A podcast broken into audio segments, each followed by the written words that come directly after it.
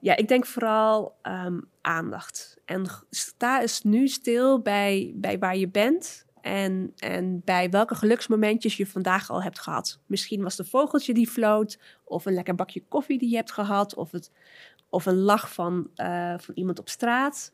Gewoon die kleine momenten zijn vaak al juist, als je ze mee laat tellen, zo, zo bepalend en zo van invloed op jouw gevoel van geluk.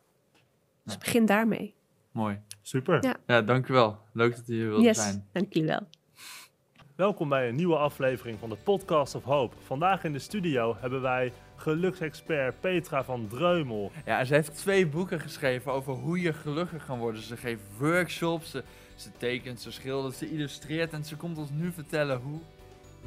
Podcast of Hope, moving towards happiness. Leuk dat u er bent. Ja, leuk Ja. dat ik er mag zijn. Ja, nou, natuurlijk. We gaan het vandaag hebben over geluk. En u weet heel veel over geluk.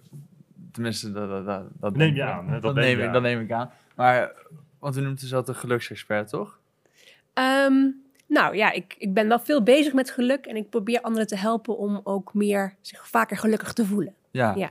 En, en waar komt dat vandaan? Opeens bent u helemaal in de geluk gedoken, toch?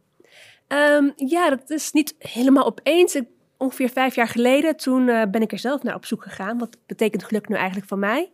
Voor mij. Ehm, en dat is ontstaan toen ik ehm, eh, in een eh, auto-ongeluk terecht kwam en daar een hersenschudding van had. Niet zo heel veel ernstigs. Ik ben helemaal weer hersteld, maar dat duurde wel een aantal maanden waarin ik uit de running was. En ik eigenlijk niet heel veel meer kon dan in mijn bed liggen en naar het plafond staren. En ehm, ja, ik begon me af te vragen, wat wil ik eigenlijk? Waar krijg ik energie van? En ja, op dat moment ben ik daar eigenlijk meer mee bezig gegaan om te zoeken wat is nou eigenlijk wat mij, wat mij gelukkig maakt en wat is geluk voor mij. Ja. Want wat je daarvoor deed was niet wat je wilde doen. Of hoe moet ik dat voor me zien? Nou, het was niet dat ik niet gelukkig was, maar ik denk wel dat ik mezelf best wel tegenhield en niet echt luisterde naar wat ik echt wilde. Hm. Ehm, ik ben eh, ook hooggevoelig, ehm, maar ja, was daar nooit echt zo mee bezig. Dus, dus alles wat je voelde probeer je dan echt weg te stoppen. Maar tegelijkertijd ben je wel heel erg aan het proberen iedereen aan te pleasen en aan de verwachtingen van iedereen te voldoen. Ja, en dat is uiteindelijk best wel heel erg vermoeiend. Ehm, wat ervoor zorgt dat je nooit helemaal vol in je energie zit. En ook niet aan het doen bent waar je nou echt van, eh, wat je echt wil, wat jouw energie geeft. Omdat je alleen maar bezig bent met wat iemand anders nou eigenlijk het liefst wil. En ik denk dat op dat moment, toen ik dus ehm, in mijn bed lag en, en ik niet zo heel veel kon, ik me echt afvroeg, maar wat als ik altijd zo weinig energie zou hebben als nu? Waar zou ik dan toch mijn geluk uit kunnen halen? Want dan is niet uit mijn werk, want dat kan ik nu niet zoveel als ik het al eerder kon. Dat is niet uit al die dingen waar je misschien normaal in je weekend er zo heen gaat. Dus wat is het dan waar ik wel geluk uit zou kunnen, kunnen halen? En daar ben ik toen naar op zoek gegaan. En wat was dat voor jou uiteindelijk? Het is denk ik niet één ding. Het is, ehm, voor mij is het veel bewuster zijn. eh, dat dat heeft eigenlijk mijn leven verrijkt. Dat ik daardoor me veel vaker gelukkig voel. Want geluk is voor mij niet iets wat je bent of niet. We zijn het allemaal naar op zoek en we willen het allemaal vinden en hebben. Maar voor mij is geluk eigenlijk een aaneenschakeling van gelukkige momenten. En als een soort van, ja, bijna frequentie kun je het zien met allemaal kleine stipjes. Sommige zijn klein, een klein geluksmomentje. En andere zijn groot, wel grote momenten in je leven. En die samen, ehm, ja, als een soort van melodie, zorgen ze voor, voor het gevoel van geluk dat je hebt in je leven. En daardoor er veel meer mee bij stil te staan. ehm, want die, die momenten is niet alleen hoeveel er zijn en, of hoe groot ze zijn, maar het is met name hoe, hoe bewust je bent van die momenten. Dat bepaalt of je je gelukkig voelt of niet.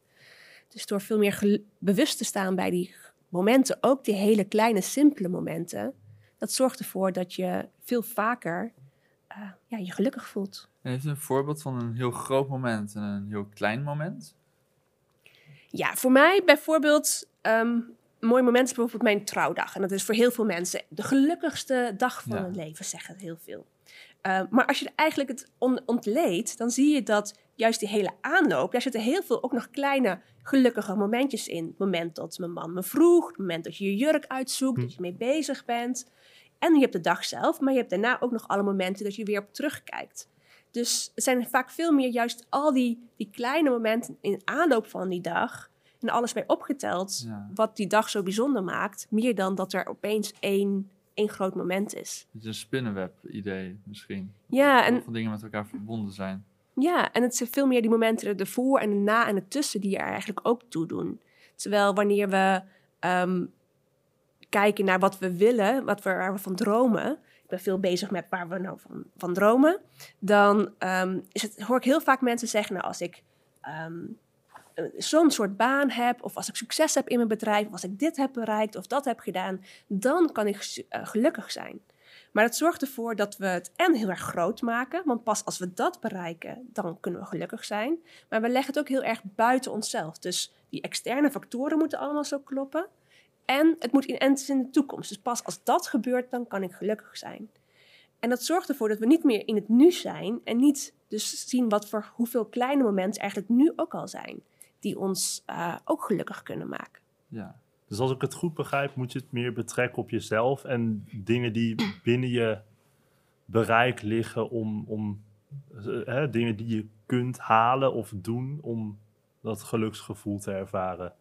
Nou, ik, ik hou ook erg van dromen. Dus ik geloof ook echt wel dat je groots mag dromen en Mm. grote ambities mag hebben.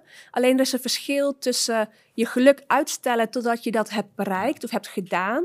En ehm, van jezelf, ja, er, eigenlijk hopen dat dat, je dat, dat dat in je leven mag komen. Maar ook nu al dankbaar zijn voor wat er nu al in je leven is. En ook nu al plezier hebben. Ja, je zet iets als een soort van stip op de horizon en Ja, eh, daar werk je dan elke dag naartoe.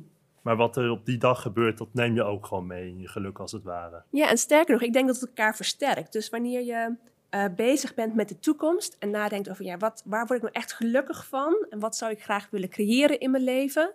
Ehm, wanneer je daar echt op, op intuned, zeg maar, dan kun je dat geluk al bijna een beetje voelen. Als jij, misschien is er wel iets wat je heel erg graag wil, een reis of zo misschien. En als je dan voorstelt hoe het is om op reis te zijn, dan kun je dat, kun je dat eigenlijk al voelen. Dat, dat geluk wat je dan wil hebben. Ja. Toch? Als je zo'n beetje Ja, op ik denk- intuned. Ik ga nu even Als je nu even met je ogen dicht, voetjes in het zand. Waar ben je nu? Waar ben je nu? Ja, ik ben eh lekker in Scheveningen eh, met, eh met een haringje. Nou, Cliff Oh. die droomt ook heel groot, hoor ik al. Ja, Ja, dat klinkt wel goed eigenlijk. ja. maar dat, dat geluk, dat kun je dan eigenlijk al voelen en dat neem je al mee in het nu. Want opeens voel je je nu al fijner door alleen maar door aan de toekomst te denken. Andersom werkt het trouwens ook. Hè? Dus als je heel erg zorgen maakt over de toekomst, voel je je ook nu al, al slechter. Maar Ja, Dus deze manier kan het ook. En andersom is het ook door nu dingen te doen waar je, waar je blij van wordt, waar je gelukkig van voelt, waar je fijn bij bent. Dat zorgt voor een soort van energie en vibratie die, die je uitstraalt, die ook weer zorgt dat ja, wat je in de toekomst wil er eigenlijk dichterbij komt. Alleen al omdat je, wanneer jij je goed voelt en zelfverzekerd voelt, je hele andere keuzes maakt dan wanneer je down bent en, en ja, pessimistisch over je mogelijkheden. Dan is het eigenlijk bijna zonde als het uiteindelijk dan is gebeurd. Want dan heb je niet meer die, die gedachten die er naartoe leiden natuurlijk. Ja, nou ja, volgens mij heb je dan altijd weer nieuwe dromen dan heb en je altijd wensen. weer iets nieuws. Ja. maar wat Ja. er dus wel gebeurt, is wanneer je dus wel daar alles van laat afhangen. Dus echt denkt, ik ben pas wat waard als ik, als, ik dat succes ja. heb. Ik, ik ben pas geliefd als ik een relatie heb. Ik ben pas gelukkig als alles klopt. Ja, dan zal het je altijd teleurstellen. Op het moment dat het dan gebeurt, gaat het nooit je verwachting voldoen. Omdat je het veel te groot hebt gemaakt. Ja, dus je stelt als het ware een doel voor jezelf, maar je moet het dan ook wel een soort van weer los kunnen laten op een manier. Ja, het moet niet, niet gaan definiëren wie jij bent. Ja, ja, ja. eigenlijk. Maar het mag meer, ja, vanuit je hart mag je, mag je voelen waar, waar mag, mag ik groeien en wat mag ik ervaren en wat, wat wil ik graag ja, creëren in, in mijn leven. ja. En, en, die hersenschudding die u had gehad, dat is echt het begin van deze nieuwe soort van weg in uw leven. Denkt u als u niet de hersenschudding had gehad, of niet het auto-ongeluk had gehad, dat u nooit deze kant eh, op zou zijn gegaan? Ik weet het niet. Ik was natuurlijk ook al wel op een bepaald niveau met, met dingen bezig. Maar dit was wel een, een moment in mijn leven dat er echt voor heeft gezorgd. Ja, dat misschien een stroomversnelling kwam. Of ik er echt in een veel bewuster van werd en mee bezig was. En ik hoorde bij best wel veel mensen een soort van life-changing event die ze dan in hun leven hebben waarbij dat gebeurt. En bij de ene is het wat heftiger. Bij de ander is het een burn-out. Bij de andere ene is het verlies. Het, ja, is niet altijd, het maakt niet eens uit wat het is, maar het is vaak iets waardoor je ziet, oké, maar nu, nu moet ik het anders gaan doen. Of nu ben ik bereid om ehm, ja, anders te kijken en anders te gaan leven. Nee, Dus voor mij was dat, dat dit. Maar Ja. ja. Ja, ik denk dat iedereen misschien wel zo'n moment heeft Ja, of gehad of gaat hebben.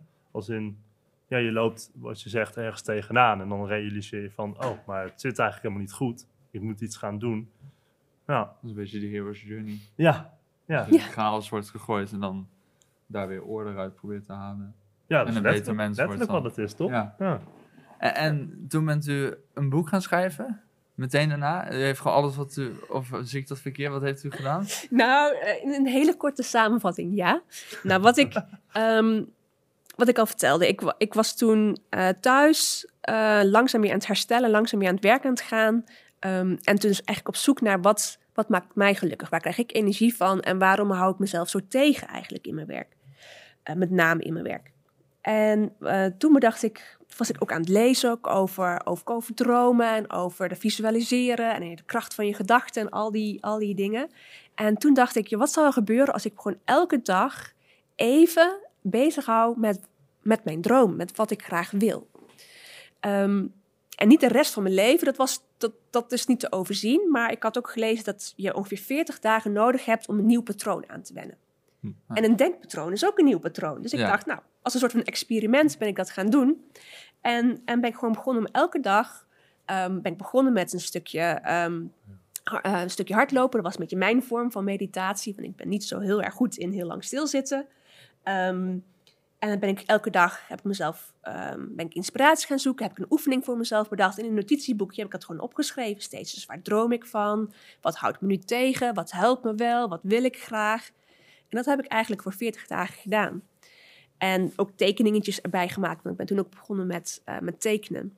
En, en ik denk dat iemand anders niet eens zo heel veel anders aan mij zag na die 40 dagen. Maar ik voelde me gewoon in die tijd gewoon transformeren. Alsof er gewoon een soort van sluier wegging. Of ik opeens heel, alles heel, heel anders ging zien. En ik veel bewuster werd van wat ik nou eigenlijk wilde. Ehm, en van waar ik blij van werd. Ook, ook de gevoelens van onzekerheid of twijfel die ik vaker had. Maar doordat je er veel bewuster van bent, stromen ze ook sneller weer uit je lijf, zeg maar. En toen, ehm, doordat ik voor bij mezelf dus opschreef, ja, wat wil ik graag? Toen kwamen er die dromen van, nou, ik wil graag een boek schrijven. Ooit, ik weet echt niet waarover. En ik wil illustreren. Ik weet niet waarom ik het opschrijf eigenlijk, want ik doe er helemaal niks mee. Maar zo begon het. En toen dacht ik, als mij dit zo erg helpt, misschien iemand anders ook wel. Dus toen ja, ontstond het idee om dus vanuit dat notitieboekje over die 40 dagen dromen een boek te maken. En precies een jaar later eh, had ik een boekcontract daarvoor. En precies een jaar daarna kwam eh, Van Dromen het Doen uit. Ja, vet. Ja, ja. Ja. oh, oprecht. Ja, Ja maar, ja, maar het is wel knap dat je dan het ook gewoon doet. Tenminste, misschien is dat dan voor, voor, voor u wel heel vanzelfsprekend, maar nee, voor heel Ja. veel mensen niet. Ja, maar je schakelt een soort knop om en je zegt van oké, ik ga dit nu gewoon doen. En dat is natuurlijk wel al een best wel een flinke stap, denk ik. Ja, ik denk dat het verschil was met, eh, met hoe ik het an- eerder aan had gepakt, is dat ik het ook heel erg groot had gemaakt. Dan Hmm. had ik gedacht, ik ook een boek, maar dat is, daar moet je heel veel tijd in investeren. En, en ik was dan gelijk met zoveel met de bezwaren bezig geweest, Hmm. dat ehm, ja, je eigenlijk gelijk al denkt, dit kan ik niet en dit lukt niet. En doordat ik nu eigenlijk dat een beetje losliet en alleen maar bezig was met wat zou ik graag willen en waarom, wat geeft het me, wat, wat kan ik daarmee geven, Ehm, ja, kwamen er als vanzelf oplossingen voor de problemen waar ik nog eigenlijk helemaal niet mee bezig was. Want zoals ook ehm, die droom om te illustreren bijvoorbeeld, ja, ik had daar dus helemaal geen opleiding in, ik deed er helemaal niet zoveel mee. Dus als je vanuit je ratio gaat bedenken hoe je die droom kan verwezenlijken, dan loop je gelijk vast. Want dan zou je zeggen, oké, dan moet je een opleiding volgen, anders heb je geen bewijs dat je het kan. Maar ja, ik had een baan en een gezin, dus dat vond ik niet, dat, dat paste niet in mijn leven. Daar was ik niet toe bereid in ieder geval. Dus dan kun je zeggen, nou, dan moet je heel veel gaan oefenen. En, dus waar eigenlijk, maar mijn hoofd zijn elke keer, ja, maar, ja, maar, ja, maar. Ehm, en dat was eigenlijk omdat je dan gewoon bang bent om te falen daarin. En doordat ik nu veel meer bezig was met, maar wat wil ik en waarom? En, en wat brengt mij nu plezier? En wat, ja, wat kan ik vandaag doen, al zijn het maar kleine stapjes? Ehm, ja, als vanzelf banen zich zeg maar een weg en kwamen daar manieren. Ik had nooit kunnen bedenken dat de manier waarop ik ging illustreren was doordat ik mijn eigen boek ging maken en illustreren bijvoorbeeld. Dus dat kun je niet bedenken wanneer je heel erg vanuit je ratio ehm, ja, zoekt hoe je dingen kunt bereiken. Ja, dus een, een tip is eigenlijk eh, voor mensen om, om niet zo stil te staan bij de negatieve aspecten ergens van. Als in, ja, nee, dat kan ik niet, dat kost veel te veel tijd. Maar denk nou gewoon na over wat wil je, waarom wil je dat? Ja. En dan begin je er eigenlijk bijna vanzelf aan. Ja, wat voor mij heel goed werkte, is dus inderdaad als eerste wat dieper in te duiken. Wat wil ik nou eigenlijk? Hmm. En wat heel goed daarbij helpt, is als je vier of vijf dagen achter elkaar gewoon een lijstje maakt met al je dromen, al je wensen. Gewoon opschrijven zonder te veel erover na te denken. Ehm, en die leg je even weg. En dan na die vijf dagen haal je ze bij elkaar. En dan zoek je eigenlijk, ga je de lijstjes langs en zie je wat er nou eigenlijk jou opvalt of iets met je doet. Omdat als je de eerste keer zo'n lijstje maakt, dan doe je dat nog heel erg vanuit je hoofd. Dus ook weer vanuit wat anderen van je verwachten of Ja. wat, wat, wat ehm, eh, goed staat op Instagram of iets. En pas als je dat vier of vijf dagen doet, dan is het wat meer dat je hart opeens intuïtief dingen opschrijft, die, die je eerder eigenlijk een beetje nog wegduwde. En wanneer dat helderder is, dan is het mooi om te ontdekken, wat heeft me tot nu toe daarin tegengehouden? En ook die bezwaren eigenlijk op te schrijven. En dan merk je dat je ehm, eigenlijk daar, daarin weer twee categorieën kan maken. Praktische bezwaren en emotionele bezwaren. En we hebben vaak een hele lijst met praktische bezwaren. Namelijk, ik heb eerst meer tijd nodig, ik heb eerst meer geld nodig. ehm, maar dit moet kloppen, dat moet werken, dit, dit kan niet, dit gaat niet samen met elkaar. Nou ja, al die, die hele bezwaren eigenlijk. En je hebt nou ja, meer de emotionele bezwaren als ik weet niet of ik het kan, ik ben bang dat ik dan ehm, ehm, kritiek krijg- krijg van iemand anders, of ik denk dat het mij niet lukt. Weet je wel, wat meer de, het gevoel wat je erbij hebt. Maar we zijn altijd heel erg bezig met die praktische bezwaren, met dat hoe en dat willen oplossen. Terwijl als jij een, een droom hebt of een idee hebt en je schrijft je praktische bezwaren op, en je, je geeft het aan je buurman, dan weet ik zeker dat hij voor 9 van de 10 praktische bezwaren een oplossing kan bedenken. Want voor al die be- op- bezwaren is wel een oplossing.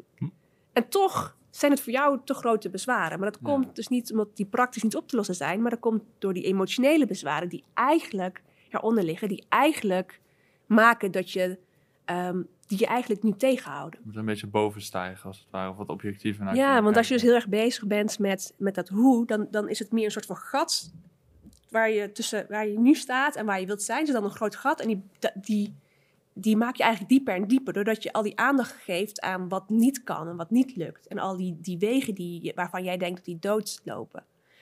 Dus al je aandacht gaat naar wat niet kan. En eh, dat groeit dus alleen maar. Terwijl als je daar dus inderdaad wat boven staat, alleen maar bezig bent met, maar waarom wil ik eigenlijk dit? Wat zal het dit me, kan dit me geven? En wat mag ik hiervan leren of er hiermee ervaren? Dan ben je dus veel meer bezig met daar. En dan is het eigenlijk alsof je een soort van brug bouwt in plaats van dat je met dat gat bezig bent. En dan zal je zien dat, die, dat vertrouwen in jezelf en in, in dat het gaat eigenlijk vanzelf gaat groeien. Ja, Ja, je moet een soort van onverschilligheid creëren tegen die emotionele bezwaren eigenlijk. eh, dus. Ja, ja eh, eigenlijk is dat, zou je dat wel zo kunnen zeggen. Ja. Ja. dat, je, dat je in ieder geval je, je, je attachment ehm daaraan eh, wat loslaat. Dat je Ja. niet jouw geluk er allemaal laat, aan, van laat afhangen.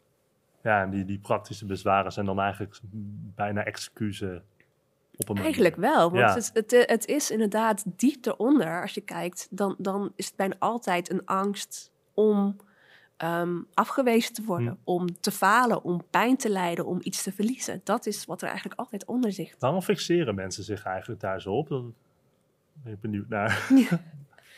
Nou, ik denk dat wij, dat wij een diep verlangen hebben om te creëren. En dan bedoel ik niet alleen, ja, ik ben, ik schilder, Ja. maar ehm, alles in het leven is eigenlijk creëren. En, en we zijn hier denk ik ook om ons leven te creëren. Om, we hebben vrije wil en we hebben die creatiekracht gekregen om te ervaren hoe het is om ons eigen leven vorm te geven.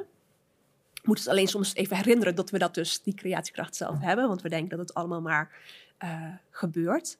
Ehm, maar tegelijkertijd hebben we vanuit ons ego zo'n zo'n overtuiging vaak meegekregen, ja, vaak vanuit ons jeugd of, of nou, in ver terug, dat we het niet waard zijn of dat we ehm, eh, het niet kunnen. Of die, die, die negatieve overtuigingen. En die, die blijven daar dan zo zwaar op, op drukken. Dus het is een continu soort van ja, gevecht bijna met een verlangen om iets te doen en te creëren. En weer een, een, een afremming van, maar dat kan ik vast niet. En ook weer gedreven, ja, maar ik wil dit bereiken, want dan denk ik dat iemand anders mij gaat waarderen of iemand anders mij liefde eh, geeft. En pas als je dus weer beseft, maar dit, dit, ik mag creëren, mijn, mijn leven creëren. Maar het is vooral voor, me, voor mezelf en mijn eigen geluk. En ik, intern ga ik dat pas vinden, die voldoening en die, en die waardering. Ja, dan ga je vanuit een heel ander perspectief, zeg maar, ehm, je dromen najagen. Omdat je dromen heel anders zijn geworden. Ik heb ook altijd een beetje het gevoel, ehm, als iemand, eh, als mensen iets willen creëren, dan moet het allemaal nu en, en direct. En Ja. het moet dan ook meteen supergoed zijn. Ja. Maar hè, als je bijvoorbeeld wil, wil leren tekenen, bijvoorbeeld portretten of zo, daar, daar moet je echt uren in stoppen natuurlijk. Hè. Dat, moet, hè, je Ja. maakt duizend portretten voordat ze een beetje realistisch beginnen te worden en waarschijnlijk dan nog niet eens. En ik denk dat ja, mensen dat steeds meer leren, ehm, steeds meer afleren dat je oefening nodig hebt om goed ergens in te worden. Want ik, ik was bijvoorbeeld acht en ik, ehm, ik, ik ehm, kreeg een gitaar van mijn ouders. En ik denk dat dat bijvoorbeeld iets heel goed, eh, iets goeds is waarmee je dat leert. En dat je moet oefenen voordat je überhaupt iets kan spelen. Dus ik, ja, weet niet, ik heb dat probleem Ja. eigenlijk nooit echt gehad op die manier dan. Jij bent gewoon bereid om daar echt je tijd in te, in te Ja, besteden. ja, dat denk ik wel. Ja. Oh. Ja, ik denk het woord wat daar, wat daar eigenlijk heel erg bij hoort is overgave. Want aan Hm. de ene kant Ja. kun je zeggen dat je moet oefenen, maar het is vooral bereidheid om ergens in te kunnen investeren en ook in jezelf dus te willen investeren en ook overgeven aan wat er dus eigenlijk wil, Hm. wil gebeuren of wat er mag gebeuren. En dat is eigenlijk een soort van samenspel. Dus ik zie dat heel veel zijn eigenlijk niet bereid om, om zelf te investeren in zichzelf. En dan kan het heel letterlijk zijn in, in ehm, eh, geld of, of tijd, maar ook in, ja, het- je kunt iets verliezen namelijk als je in jezelf gaat investeren of als je echt dingen wilt, wilt veranderen.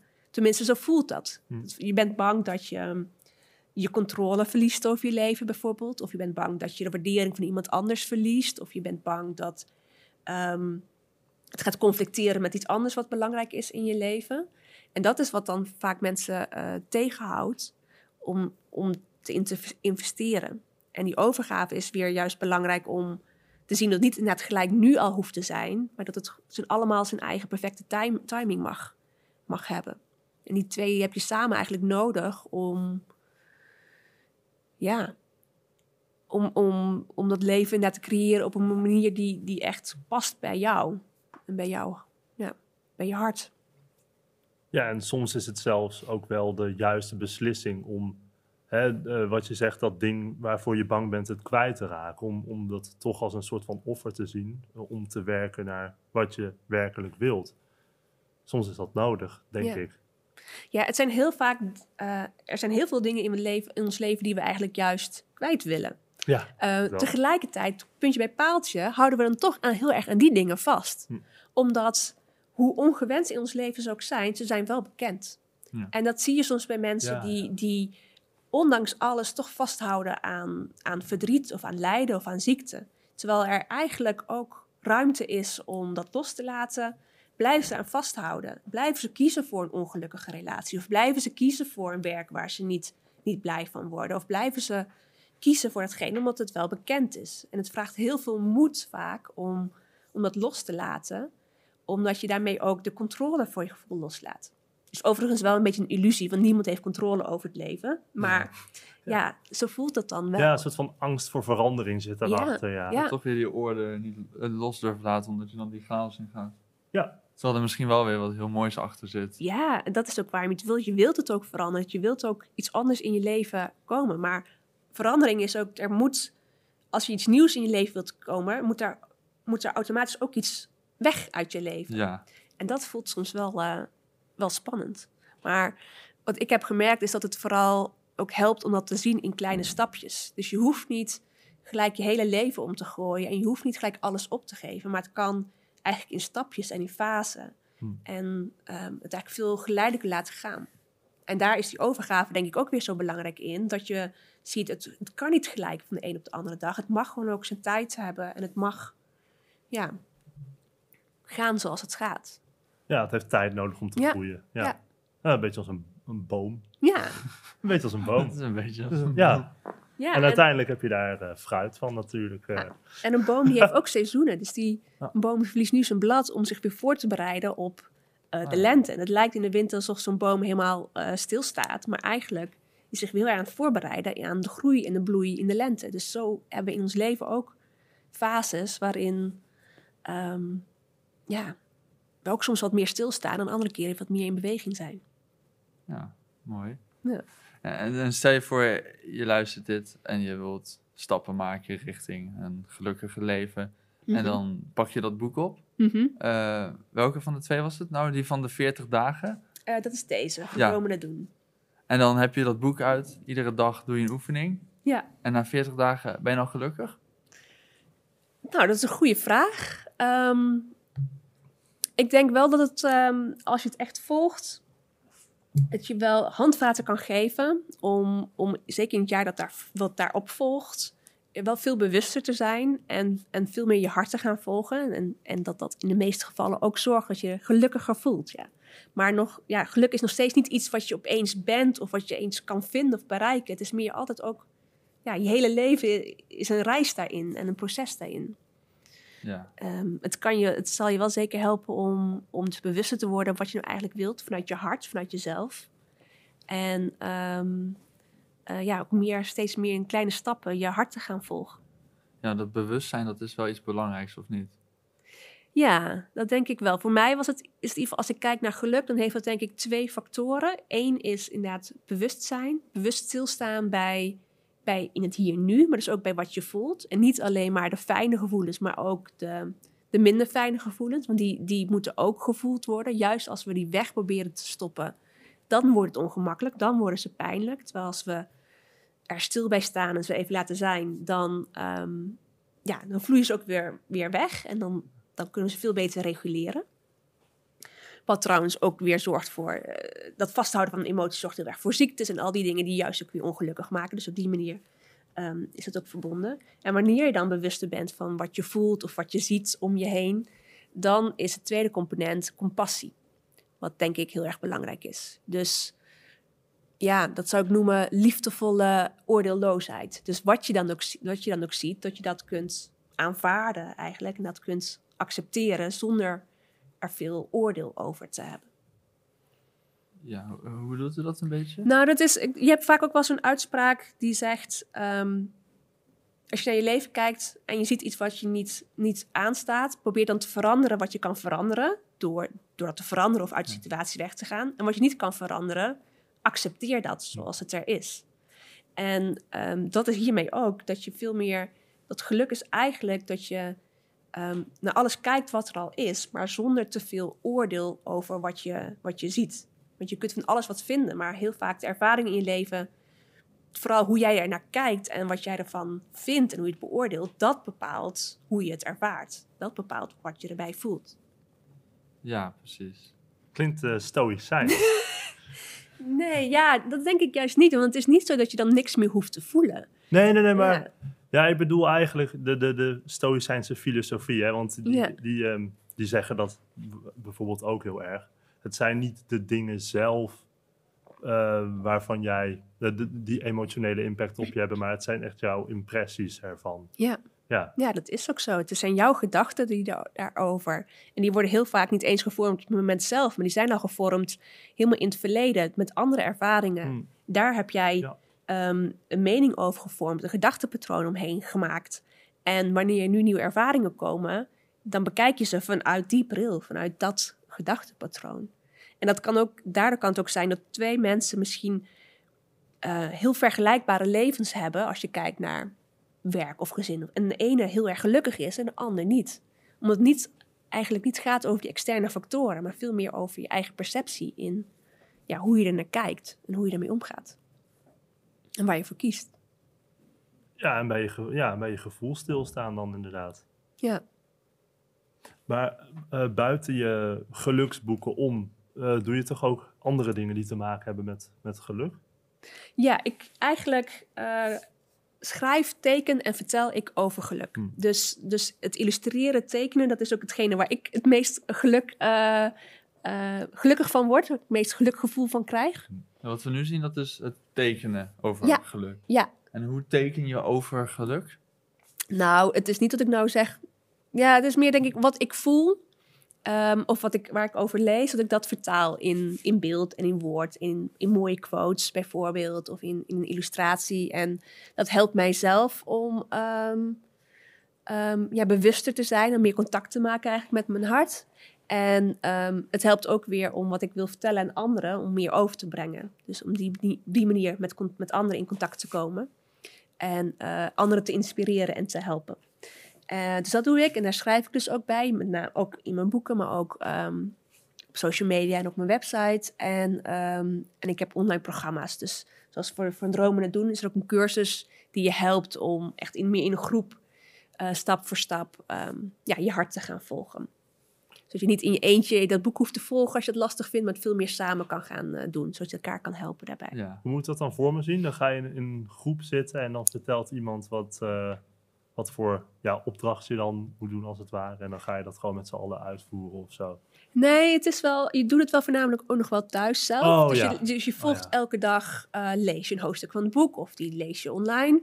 Ehm, maar elke week heb je ook dat je met de- elkaar met de groep incheckt. En op het moment dat je normaal eigenlijk zou afhaken, omdat je te druk hebt of iets, maar eigenlijk omdat het een beetje te lastig wordt, Hm. dan heb je de groep waardoor je dat samen eigenlijk weer ehm ja, daardoorheen kan en juist nog veel meer ehm, groei kan doormaken. De groep houdt je een beetje verantwoordelijk. hè? Ja, die houdt je een Ja. beetje scherp. Ja, zeker. Slim. Die helpt je, ja.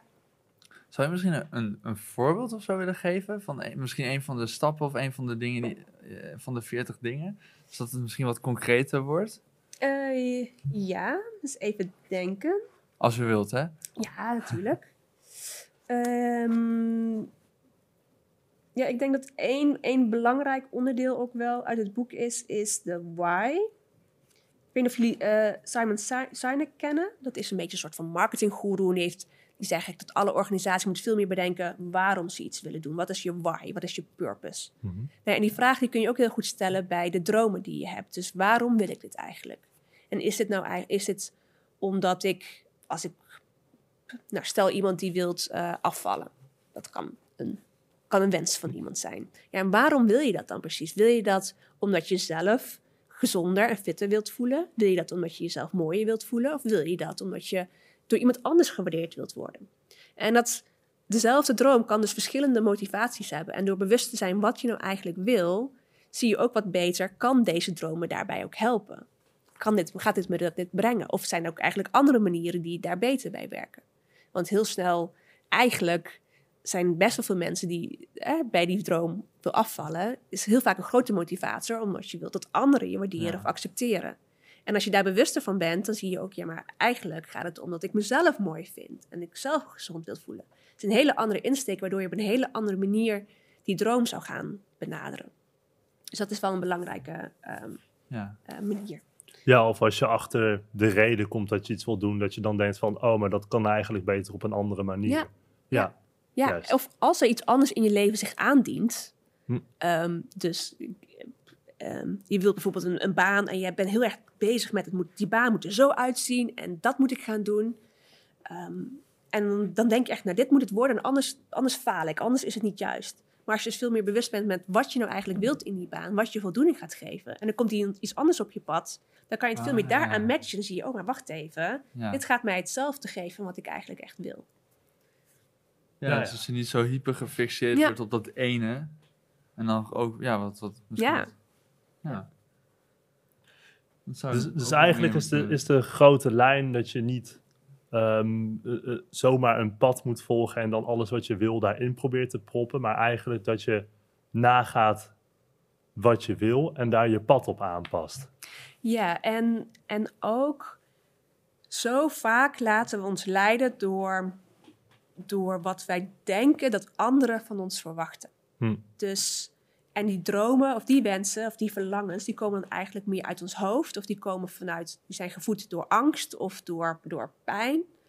En het is juist ehm, eh, de uitnodiging of de uitdaging om veel meer vanuit je hart te gaan kijken wat je nou echt wil. Dus ik geloof tenminste dat je vanuit je ziel allemaal een, een, missie hebt of een purpose hebt. En dat hoeft niet per se te zijn wat je, wat je doet, maar veel meer weer herinneren wie je, wie je bent in de kern. En, ehm, wat jij mag leren en ervaren in het leven. En wanneer je daar weer veel meer connectie mee maakt en vanuit, vanuit die purpose, zeg maar, je keuzes kan maken, je pad kan bewandelen, dan, dan komt er een pad vrij dat je veel meer plezier en voldoening gaat geven. Ehm, dan wanneer je dat heel erg vanuit je hoofd blijft doen en heel erg vanuit ja, de, de verwachting van anderen gaat doen. Want dan kan je net zo heel veel bereiken als het gaat over, over succes of over geld of over dat soort dingen. Maar zal het je nooit zoveel ja, voldoening geven en dus eigenlijk geluk geven. Omdat het niet is wat je echt in de kern verlangt. Ja. Ja, een, een aangepraat verlangen is het dan eigenlijk. eh, niet wat je zelf wil. Nee, ja. Ja. En ik denk dat dat stiekem best wel vaak gebeurt. Als je bij jezelf echt eerlijk Mm. bent. Ja, wat wil ik en waarom wil ik dat? Is dat omdat ik daarmee iemand anders probeer te, ehm, Te te pleasen, ja. Of is het omdat ik het zelf echt wil? ja.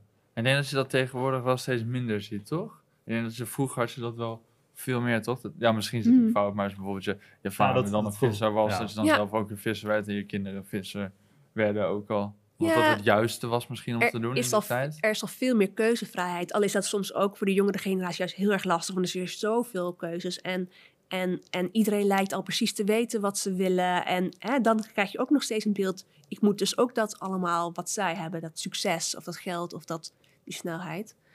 Ehm, maar, maar ik ben ook wel vooral... Mijn cursussen zijn vooral gericht ook op vrouwen. En het zal je eigenlijk wel eh, bijna verbazen... hoeveel vrouwen daar dus nog steeds heel erg in... met de verwachting van anderen bezig zijn. En hè, zeker als je een gezin hebt, dan wil je alles voor je, voor, voor je man doen en je kinderen doen en je, en, je, en je baan doen en alles probeert te combineren. En dan kan je jezelf best wel snel verliezen. Hebben vrouwen dat meer dan mannen? Nou, dat durf ik niet echt te zeggen. Ik, ik, wat ik, ja, ik, ik teken, je ziet het bij mij ook wel aardig in, met bloemen en alles. Dus ik, ik hè, ben meer met vrouwen eh, bezig.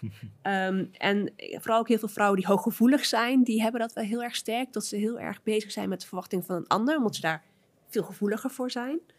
Ehm, ik denk dat mannen het zeker ook hebben, alleen die hebben een ander, ander patroon dat ze zijn aangeleerd. Zij, moeten, zij mogen hun emoties niet tonen, ze moeten altijd stoer en sterk zijn. En ehm, ja, dat kan ook soms ook je wel belemmeren in, in echt doen wat je echt zelf eh, wil. Ja. Ja, dat denk ik ook. Ja, dus, dus nee, het zal niet alleen maar, eh, het zal niet vrouwen meer zijn dan mannen, uiteindelijk. En wat was die quote waar we het tijdens het eten over hadden? Die je hoort. Ja, weet je nog wie je was voordat de wereld je vertelde wie je hoort te zijn? Ja. Ja. Dat, dat vond ik hier wel. Ja, daar wel staat hij zeker. natuurlijk Ja. perfect Ja. op terug. Ja, Ja. ja. zeker. Nou, we hadden u ook gevraagd een voorwerp mee te nemen. Ja, eh, waar u inspiratie uit haalt of waar u gelukkig van wordt. En zijn dat de boeken? U had wat anders meegenomen. ja ik toch? heb ja, mijn boeken ook, of tenminste, nou ja, het, het maken ervan, daar werd ik wel heel erg gelukkig van. En het was zeker mijn eerste boek zo'n ehm, openbaring bijna, dat dit was het eerste dat ik echt voor mezelf maakte. Dus een Ja. notitieboekje was echt mijn eigen zoektocht. En ook wat ik nu hierna heb gemaakt, was ik heel erg bezig met ja, wat vind ik mooi en wat wil ik graag vertellen. Dus het was het eerste wat ik eigenlijk echt voor mezelf maakte, maar waarmee ik op een heel ander niveau andere mensen aanraakte en, en bereikte en inspireerde. En dat was wel een mooi inzicht. Ik dacht, oké, maakt- ik dacht dat ik het voor mezelf maakte, maar eigenlijk maakte ik het daarmee dus juist al voor heel veel anderen. Ja. En als het dus gaat over ehm, dat je zoveel bezig bent met de verwachtingen, vaak vind je het dan egoïstisch om je eigen dromen en verlangens na te jagen. Maar dan blijkt dus juist dat je daarmee, als je dat wel doet, je juist vaak heel veel andere mensen kunt inspireren of kunt helpen, omdat je het veel meer vanuit een, ja, veel meer impact kan maken met Ja. wat je doet. Maar goed, eh, mijn, eh, mijn, een item is eigenlijk mijn... Oh, ik het nog niet eens liggen. Ja. Eh, mijn eh, ehm, verfdoosje. Hij is een beetje schmoetsig. en oud. En het is eigenlijk waar het ook mee begonnen is. Ehm moet ik ook dat vertellen dat ik eh, vijf jaar geleden is begonnen met tekenen. En deze lag eigenlijk al tien jaar bij mij in de kast ongebruikt. Had ik een keer gekregen. En toen vond ik hem en ben ik ermee begonnen. En merkte ik dus... ehm, ik had een hersenschudding, dus ik was ook heel snel overprikkeld. En tekenen en schilderen hielp me zo om weer mijn, mijn hoofd leeg te krijgen en weer te ontspannen. En, en gaf me zoveel plezier en zoveel geluk eigenlijk. Dus voor mij is dat, eh, ja, staat dit daar wel symbool voor. Als ik ga schilderen heb ik juist het tegenovergestelde. Ja, En ik weet niet of misschien heeft dat iets met mijn ADD te maken. Maar ik word gewoon juist heel erg gestrest ervan dat ik niet kan doen wat ik wil. eh, Ja, dat ken wat- ik. Dat, nee, dat ken ik. Dat is denk ik geen Nee, ADHD-ding ding. hoor. Nee, dan heb je gelijk heel veel verwachting daarover, over hoe het moet zijn. Ja, ik heb iets in mijn hoofd, dat wil ik eruit brengen. Ja. En dat lukt dan niet, omdat ik gewoon Nee. niet, gewoon fysiek niet de vaardigheden heb. En dat Ja. vind ik dan frustrerend. En daar kan ik er niet zo heel erg van genieten. Nee, dat snap ik. Ik denk wel dat je wel weer andere dingen hebt waarin dat wel is. Ja, dat denk ik, ja, dat denk ik ook wel. Wat is dat voor jou waar jij, waarbij zit jij wel echt natuurlijk gewoon zo in de flow? Ja, goede vraag. Ja, vroeger had ik dat als ik dan nummers schreef, Mhm. songteksten en zo, dat vond, ik, dat vond ik wel heel leuk om te doen. Ja. Tegenwoordig weet ik, weet, weet ik niet zo goed. Ja, ik schrijf ook wel een beetje, niet heel veel, ook niet serieus. En ik ben ook niet heel goed erin, maar daar heb ik wel minder dat het me frustreert dat ik er niet goed in ben. Daar, ja, misschien dat je niet meteen gewoon ziet van dit is lelijk, maar meer zo, ja, ik, ik weet, ik weet niet hoe je dat kan uitleggen, maar daar heb ik dat inderdaad wel wat minder. Ja, maar ik denk dat ehm, iedereen heeft dus wel iets in het leven. Eh, soms zijn we ze even kwijt. Ja, Ehm, maar wel iets dat jou energie geeft of plezier geeft. En waar die creatiekracht, in welke vorm dan ook, wel weer gewoon kan stromen en in de flow bent. En dan is het alsof je echt gewoon verbonden bent met wie je zelf bent in een kern. Je bent niet bezig met al die anderen, je bent echt gewoon in het hier en nu eigenlijk. En iedereen heeft die dingen, heeft dat wel. En dat is zo eigenlijk helend voor je. En zo belangrijk om, om balans te houden. Om dat soort dingen ook een onderdeel van je dag te maken. ja, want kinderen hebben dat volgens mij gewoon heel erg. En op een gegeven moment gaat dat een beetje weg, toch? Ja, Knutselen en, en Zo'n Toch? constante flow staat. eh, ja, toch? vooral gewoon mogen doen waar je zin in Ja. hebt. En, en je impuls daarin volgen. ja. En wij zijn hier ondertussen hebben we allemaal een to-do-lijstje. En we denken, oh, dat moet eerst af voordat we mogen doen wat we leuk vinden. Of ik moet eerst alles gedaan hebben voordat ik mag rusten. Terwijl juist ook dingen doen waar je, waar je blij van wordt. En ook rusten. Of, of nou ja, welke vorm van ontspanning of creativiteit dan ook. Juist super belangrijk zijn om te zorgen dat je weer de energie hebt om, en de inspiratie om je andere dingen wel te doen. Ja, je moet daar ook een beetje balans in vinden, denk ik. Ja. Want soms is het inderdaad beter om eerst dan die rust te pakken, om dan vervolgens beter je, hè, tussen aanhalingstekens, je taak kan uitvoeren. Maar soms is het ook wel eigenlijk beter om eerst je taak te doen en dan pas. En dat dat een Als beloning de, daarna te rusten. Oh, nou, nou, dat ook. Maar ik denk dat het heel erg belangrijk is om daar een balans in te zoeken. En Ja, dat misschien die ratio daar wel ook enigszins handig in is om, om dan een Ja. betere structuur in je leven te krijgen. Ja, ik, eh, je hebt natuurlijk ook best wel veel boeken die heel erg gaan over het, het ego en het ratio. En dat als je het helemaal moet, moet wegcijferen. En het ego, ja, wel als dat gaat over die belemmerende gedachten. Maar tegelijkertijd kun je het bijna zien als een soort van snijvlak. Waar, waar wat meer ja, maar je spiritualiteit, je spirituele energie en, en je actiematige, je ratio samenkomen. Als je de hele dag alleen maar aan het doen bent zonder dat je weet waarom. En zonder dat je verbonden bent met, met je purpose, zeg maar dan put het je uit en dan zit er geen betekenis achter wat je doet. Bij de hele dag alleen maar aan het mediteren op je, ehm, op je kussen en, en alleen maar aan het filosoferen over wat er kan gebeuren, dan bereik je ook niks in het leven. Dus het is dat snijvlak dat je echt wacht, misschien wel tot die inspiratie, en vanuit die inspiratie je doen, dat zorgt ervoor dat, er, dat, dat je dingen doet in je leven die ook echt betekenis hebben voor jezelf en voor de wereld. En je dus voldoening geven en je dus geluk geven. Ja, ik denk dat het voor veel mensen dan even dat punt vinden is. Als je iets te veel aan die kant staat, iets te veel aan die kant. Ja, en de meesten zitten iets te veel in het doen. Ja, Uiteindelijk, we zijn echt in een maatschappij waar we zo druk bezig zijn en zo in het doen zijn, eh, dat we echt vergeten vaak om, om meer rust te, te vinden of om stil te staan bij ons gevoel, om in het hier en nu te zijn. En om vanuit daar dus weer die, ja, die balans eigenlijk eh, te vinden. Ja, een beetje zo'n hyperfocus op economie. Dus er moet alsmaar moeten er dingen gebeuren. Ja, en zo is alles ook ingericht. Een beetje, vooral als je in de steden bent. Ja, dat, ja. is het echt... ja, onze hele maatschappij is zo ingericht. We zijn ehm, eigenlijk met gepaste trots zeggen we dat we zo druk zijn. Dat is een statussymbool geworden.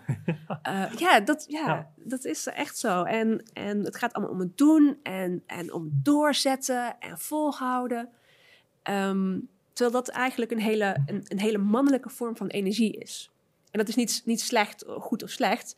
Ehm, maar in, in energie heb je een beetje de mannelijke vorm, dat is bij yin en yang, en de vrouwelijke Ja. vorm. En de vrouwelijke vorm is veel meer op je intuïtie afgaan en veel meer rust ook nemen en, en vanuit ja, het eigenlijk overgave en laten ontstaan. En beide, net zoals yin en yang, zijn ze beide nodig om balans te vinden en om juist dingen te, te, te bereiken.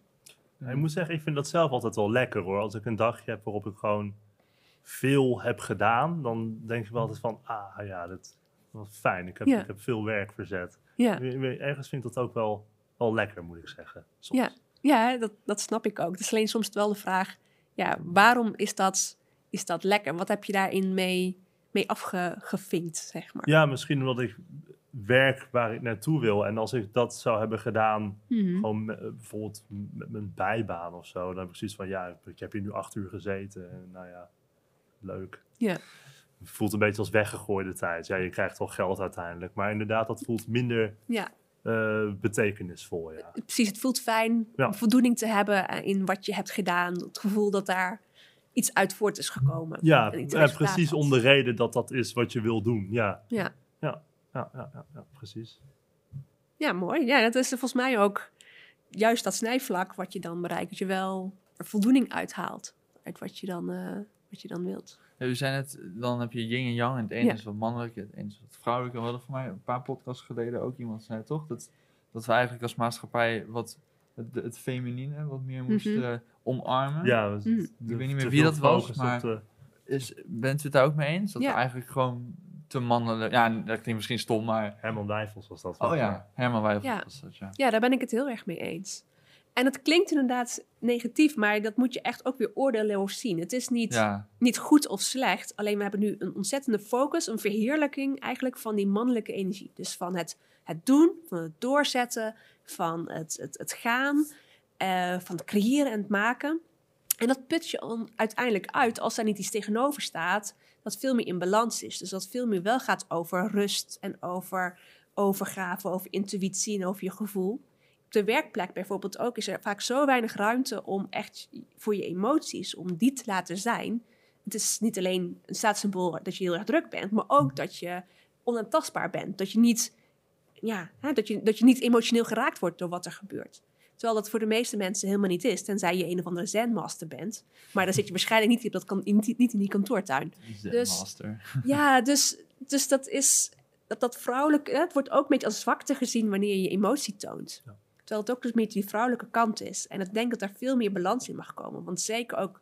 ehm, er is ontzettend veel burn-out. En dat gebeurt ook heel veel onder vrouwen. Omdat die dus ook heel erg die mannelijke kant probeert te bereiken. We willen als man en vrouw gelijk zijn.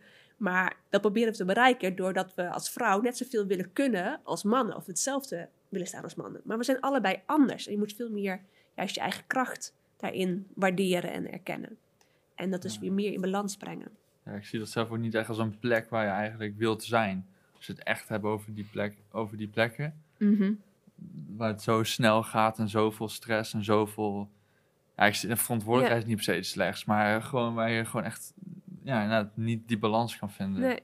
Ja, gelukkig is op heel veel plekken wel beter. Maar het is niet alleen maar, je denkt nu misschien aan een, aan een soort van advo- advocatenkantoor of, of Ja. beleggingsmaatschappij met snelle pakken.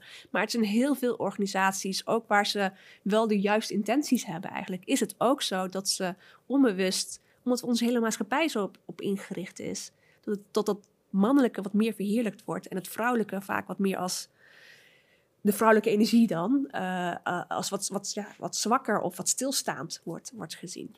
Maar als je dan bijvoorbeeld over iets praat als, als ehm, hè, gelijkheid tussen man Mhm. en vrouw, is het dan wel iets reëels? Want ik kan me voorstellen dat vrouwen vaak meer naar die, naar die vrouwelijke energie neigen en mannen naar die mannelijke energie. Dus is het wel iets goeds om te zeggen, eh, vrouwen moeten ook dit soort posities innemen en, en dat soort. Oh, nu kom je in een heel ander onderwerp natuurlijk dan, dan, dan Ja, druk. En ik ben ja, ook niet sorry. daar de, eh, de, de expert in. Ehm, ik denk in ieder geval bij mannen en vrouwen is het beide aanwezig. Die mannelijke Ja. creatiekracht en die vrouwelijke creatiekracht. En die, wat de verhouding ook precies is, het moet in een soort van balans voelen bij elkaar. Ehm, maar voor heel veel vrouwen is het dus wel dat zij veel beter creëren, zeg maar, wanneer ze die vrouwelijke kracht veel meer ruimte geven dan in ieder geval dan ze nu doen. Ik weet niet of het veel meer moet zijn dan de mannelijke kracht, maar veel meer dan ze nu doen.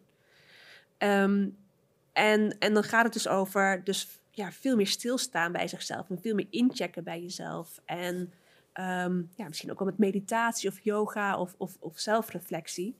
En wat het ze brengt, of ze daarmee ehm, in een boardroom komen of, of, of yogamats eh, gaan zitten, ja, dat maakt mij eigenlijk verder, verder niet uit. Ehm, want het gaat erom hoe zij zich daarbij voelen. Of zij daar, zich daar gelukkig van voelen. Want dat is natuurlijk uiteindelijk waar we het ook hier over hebben. Wat we eh, graag willen bereiken. Ja. En de ene die voelt zich heel erg thuis daarbij. En de andere heel erg thuis daarbij. Ja, volgens mij is de sky is the limit. Alles, alles kan wat je, wat je wil creëren. Maar het zal een stuk makkelijker zijn. En een stuk meer plezier geven. Wanneer je dat doet vanuit de juiste energie. Helemaal gelijk. Ja. Ja. Ja. Nou, we vragen eigenlijk altijd als afsluiter eh, of onze gasten een tip hebben voor iedereen die luistert.